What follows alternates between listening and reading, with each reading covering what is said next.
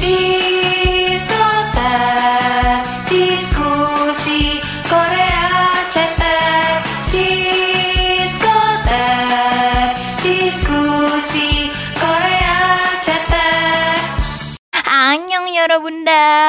Em, kenapa dari Kamis minggu kemarin ke Kamis minggu ini kayaknya lama banget ya?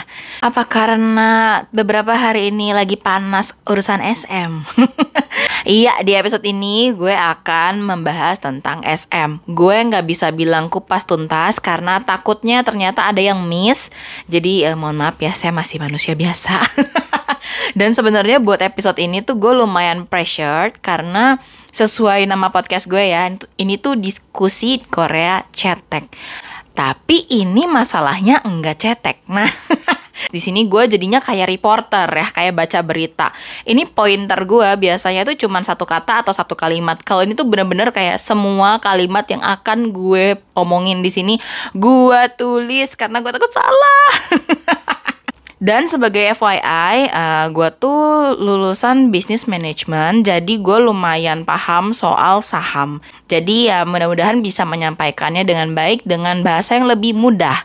Karena jujur aja gue sering baca komen, banyak yang bilang gak ngerti, jujur. Terus banyak juga yang so tau atau yang kayak udahlah gue mah nggak ngerti yang penting idol gue nggak kenapa-napa. gue di sini nggak berusaha ngajarin tapi gue cuman mau cerita aja ya sebenarnya SM itu kenapa sih?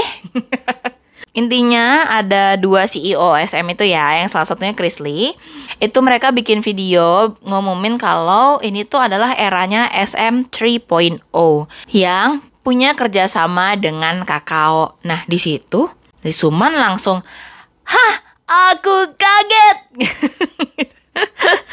Kok ada kakao? Sejak kapan kakao punya saham di SM? Terus pas diusut punya usut, loh ternyata SM kok jual sahamnya ke kakao sebanyak 9% ya? Itu dari mana ya? Karena ya setahu Isuman, sahamnya SM tuh ya udah terbagi sebesar itu gitu ya. Dengan kepemilikan saham Isuman itu ada 18,5%. Terus udah saham yang ada segini kok tiba-tiba ada saham di luar itu yang bisa dijual ke kakao gitu. Itu dari mana ya Kris? Makanya habis itu ada berita Isuman menggugat SM gitu ya karena Isuman menganggap ini kayaknya lo jual saham ilegal deh. Kok nggak bilang-bilang sih tiba-tiba kayak ada nambahin aja gitu slot saham terus dikasih aja ke kakao gitu. Jadi kayak sekarang Isuman versus SM ya lumayan aneh sih. Dan dengan dijualnya saham SM ke Kakao sebanyak 9% itu bikin Kakao jadi pemegang saham kedua terbesar di SM setelah Isuman. Jadi kayak ngerasa ditusuk dari belakang. Udah mah banyak karyawan SM juga yang kayaknya udah mulai nggak serak sama Isuman gitu ya. Kayaknya banyak karyawan SM yang ngerasa udahlah udah ganti zaman aja yuk gitu loh. Jadi kayak apa ya Isumannya ngerasa kayak dalam tanda kutip kayak dibuang gitu loh. Padahal itu kan perusahaan yang bikinkan Isuman. Terus udah gitu ada berita juga dari Dispatch, katanya selain itu tuh SM juga emang udah dicek sama Align Partners. Jadi kayak perusahaan audit gitu loh buat ngaudit ini tuh perusahaannya sehat nggak ya, terutama secara financial. Terus ternyata ketemu nih selama ini SM itu kasih berapa persenan royalty ke yang namanya like planning dan ternyata like planning ini adalah punyanya Isuman. Jadi kayak loh, kan SM juga punya Isuman. Loh like planning kok juga punya Isuman? Loh kok Isuman dapat cuan dari SM terus dapat juga dari like planning? Hah? Kenapa ya? Gitu. Terus yang lebih parahnya lagi si like planning ini ternyata ngambil persenan royaltinya itu bukan dari profitnya SM tapi dari omset yang nggak tahu omset, omset itu bahasa simpelnya adalah penjualan kotor. Pokoknya kita misalnya jual barang 100 ribu, ya itulah omset kita. Belum dikurangin sama biaya operasional, biaya uh, buat karyawan lah, buat marketing lah, buat macem-macem lah. Jadi itu benar-benar kayak hasil penjualan kotor. Nah kalau misalnya SM pun lagi rugi, lagi minus, mereka harus tetap bayar ke like planning karena like planning itu taunya gue dapat persenan royalti dari omset bukan dari profit jadi walaupun minus tetap harus kasih kebayang nggak jadi di situ kayak hmm, kayaknya ada yang nggak beres gitu ya. Jadi agak eh, gimana gitu. Makanya di SM 3.0 ini mereka mau si kerjasama sama si life planning ini tuh diputus kontraknya. Karena tadinya kontrak sama life planning ini diperpanjang sampai 2092. Gila ya ini Isuman visioner banget ya mungkin buat anak-anaknya kali ya. Sampai 70 tahun ke depan masih berjalan kontraknya gitu pengen dapat royalti dari SM nah makanya ini yang bikin jadi agak hmm kok uh, apa ya ya kayak semena-mena mungkin apa ya bahasa yang tepat ya? Tolong kasih tau dong bahasa yang tepat apa? Terus ada yang bilang juga Isuman ini juga memang apa ya kayak BM banget gitu loh. Soalnya dia juga buka banyak beberapa bisnis. Ya menurut gue sih namanya pebisnis ya mendingan kita bisa punya beberapa lini. Jadi kalau misalnya yang ini kenapa-napa ya bisa ada yang lain gitu ya. Ya mungkin maksudnya Isuman kayak gitu mungkin ya Cuman jadinya kelihatannya kayak BM, soalnya dia kayak pengen ada resto, pengen jualan wine, pengen macam-macam gitu yang di luar dari kemampuan dia yang biasanya memproduseri artis gitu. Makanya akhirnya bisnisnya juga nggak terlalu berjalan lancar, yang ada malah jadi minus dan itu kan uangnya SM gitu ya. Jadi malah makin-makin aja karyawannya pada ngerasa kayak loh kok SM ini mau dibawa ke mana? Perusahaan ini gitu ya. Jadi kayak burem gitu visinya ya. Agak-agak bingung. Akhirnya CEO dan para karyawan SM tuh jadi agak uh, dalam tanda kutip kayak ngedepak Isuman gitu ya. ya walaupun memang banyak uh, kita denger ya banyak juga para produser yang gue nggak mau di SM kalau nggak ada Isuman apa artinya SM tanpa Isuman gitu? Dan gue yakin banyak juga artis SM yang kayak gitu. Tapi ya akhirnya karena tersudut kayaknya Isuman tuh ngerasa jadi kayak yang wah istilahnya ya kayak udah kebongkar semua nih gitu. Nggak bisa apa-apa lagi. Akhirnya dia Noel Bang Pidi ya. Hype beli saham SM dong gitu. Terus si Hype ngerasa kayak wow akhirnya ditawarin gitu kali ya. Akhirnya dari 18,5% sahamnya Isuman di SM diambillah 14,8% sama Hype. Akhirnya dengan dibelinya 14,8, sahamnya Isuman saat ini di SM itu tinggal 3,66 persen. Dia jadi kayak pemegang saham kelima terbesar karena akhirnya sekarang jadi hype yang punya saham paling besar di SM. Yang keduanya tetap kakao ya. Jadi hype-nya 14,8, kakao-nya 9,05 persen. Terus kenapa sih hype harus ikut-ikutan gitu ya?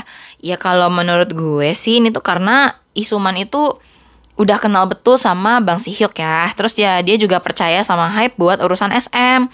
Ya kesannya kayak Isuman juga pasti masih ada rasa sayang lah sama SM ya.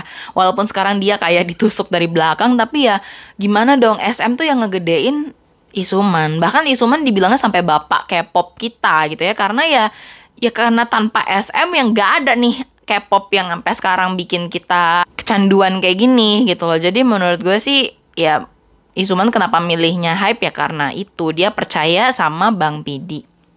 Sedangkan kalau dikasihnya ke kakao, ya apa ya istilahnya bukan keahliannya kakao untuk manage artis gitu loh.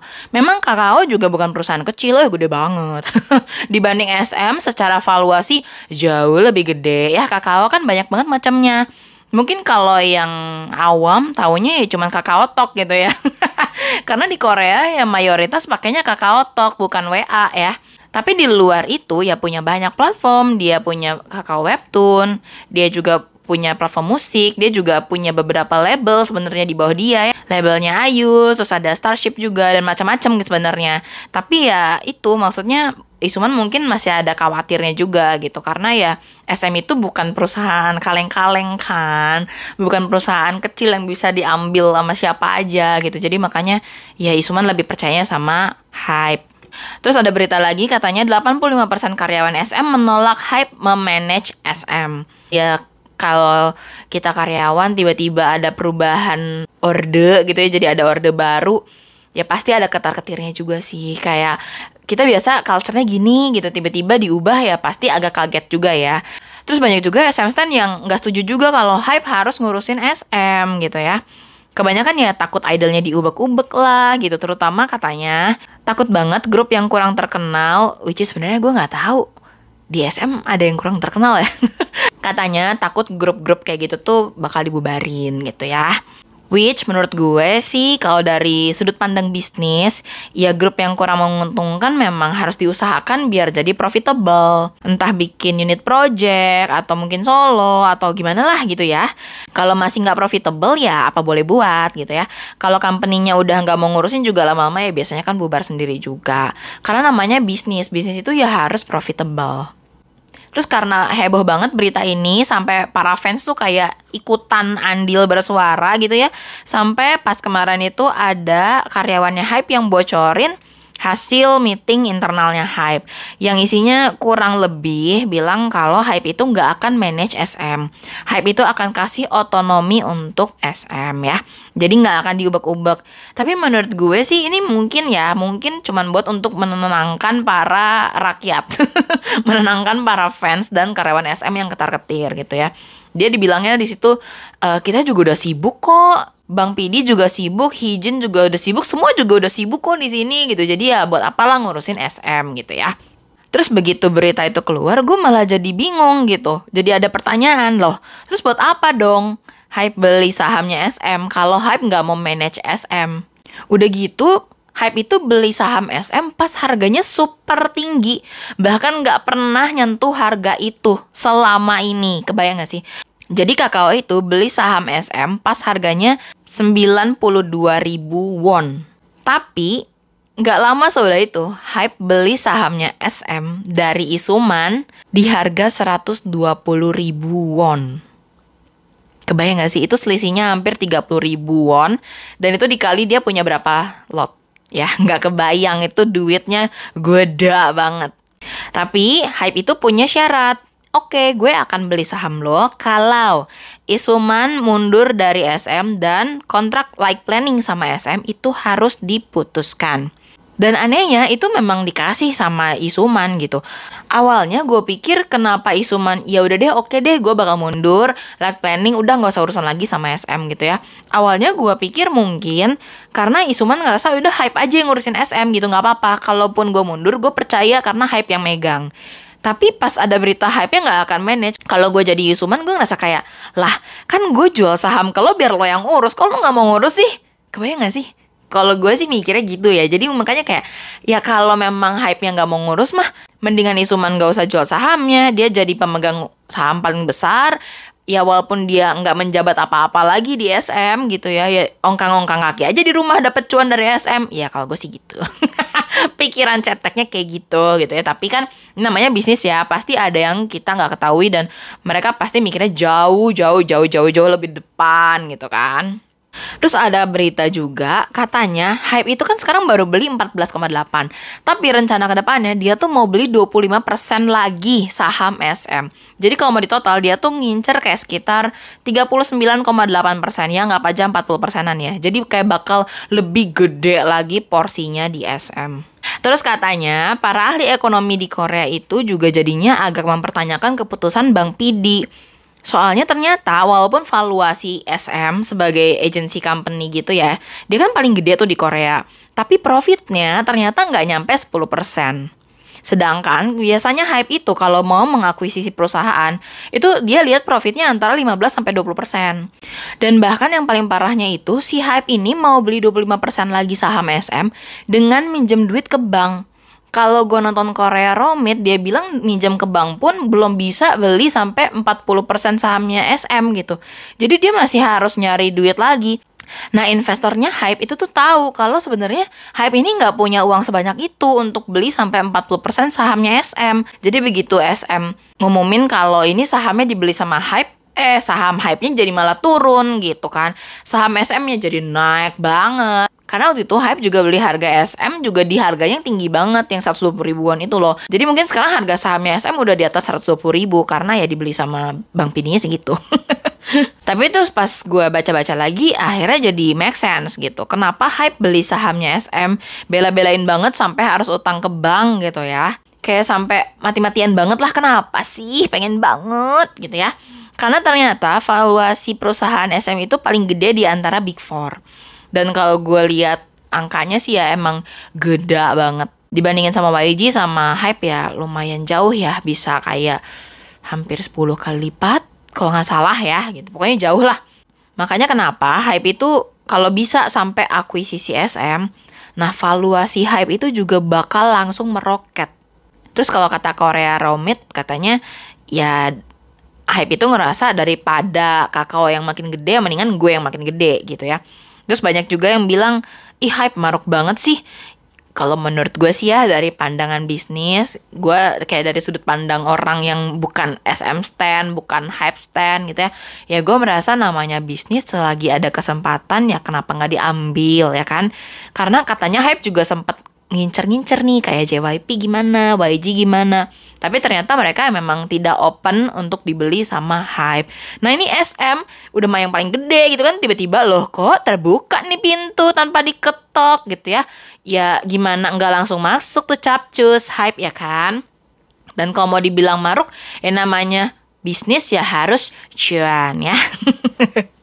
Terus kalau menurut gue ya urusan hype memanage SM kalau mungkin sekarang dia nggak mau manage ya nggak apa-apa juga ya. Ya seperti yang kata si karyawannya bocorin itu, Hype juga udah sibuk gitu ngapain ngurusin SM ya kan.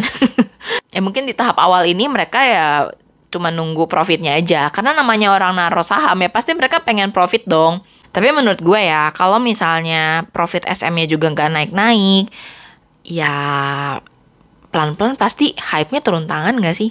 Ya maksudnya kayak apalagi kalau udah sampai 40% ya sahamnya dia ngelihat ih kok kagak naik-naik nih perusahaan ini profitnya gitu ya. Ya pasti dibenahi juga gak sih? Terus banyak juga tuh yang kayak tolong kalau walaupun kamu udah udah beli sahamnya SM gitu semoga culture-nya SM akan tetap ada misalnya kayak Halloween party gitu ya. Ya menurut gue sih karena karyawannya SM juga masih sama pimpinannya SM juga masih sama walaupun nggak ada isuman gitu ya. Tapi ya pasti tetap ada sih harusnya gitu ya harusnya. Dan yang lain-lainnya kayak Kuangya ya pasti masih akan tetap ada gitu pak. Nggak mungkin dia datang terus jadi kayak diktator langsung ngubah semuanya ya nggak nggak gitu sih. Dan ini perusahaan juga bukan punyanya hype walaupun hype itu pemilik saham terbesar. Beda ya, pemilik saham terbesar sama yang punya tuh beda gitu. Jadi nggak bisa disamain. Karena walaupun misalnya hype mau ngubah gini gitu gini gitu dia harus konsultasi harus meeting sama semua pemegang saham sama shareholdersnya ya yang gede-gede ya kalau yang punya sahamnya 0,000000001 ya ya nggak usah diajak itu mah rakyat kayak kita ya pasti uh, dia juga nggak bisa semudah membalikan telapak tangan buat ngacak-ngacak SM gitu. Jadi ya ya udahlah. Menurut gue sih kayak Seventeen kayak Jiko King of Jungle-nya kan dibeli juga kan. Toh mereka tetap tetap berjalan seperti biasa gitu. Kayak nggak ada ih kok jadi hype banget? Kayaknya nggak gitu deh. Kalau gue sih ngeliatnya gitu ya. Bahkan ya kalau Pledis ya jatuhnya jadi lebih baik. Mungkin karena hype kayak gitu tapi kalau SM kan ya sebenarnya kalau secara dana ya mungkin nggak terlalu perlu gitu ya dibantu sama hype jadi menurut gue sih bakal bakal tetap sama sih dan kita sebagai fans doain yang terbaik aja buat idol kesayangan kita semoga tetap berjalan begitu saja. Semoga tetap comeback, semoga tetap seru. Karena namanya berita pasti nggak semuanya banget terbongkar ke publik gitu. Mungkin ada hal-hal yang kita nggak tahu. Jadi ya udahlah kita makan fans kita juga nggak berhadapan langsung sama Isuman gitu. Yang kita pengen lihat kan idolnya ya. Jadi ya semoga yang terbaik aja sama idolnya. Terus masalah ini ya cepat reda dan semuanya semoga happy ending. Karena walaupun Isuman sekarang kesannya sahamnya udah kecil di SM, dia juga udah nggak jadi chief producer lagi, dia juga udah nggak dapat royalti lagi. Ya, at least dia dapat cuan gak sih dari jual saham ke hype?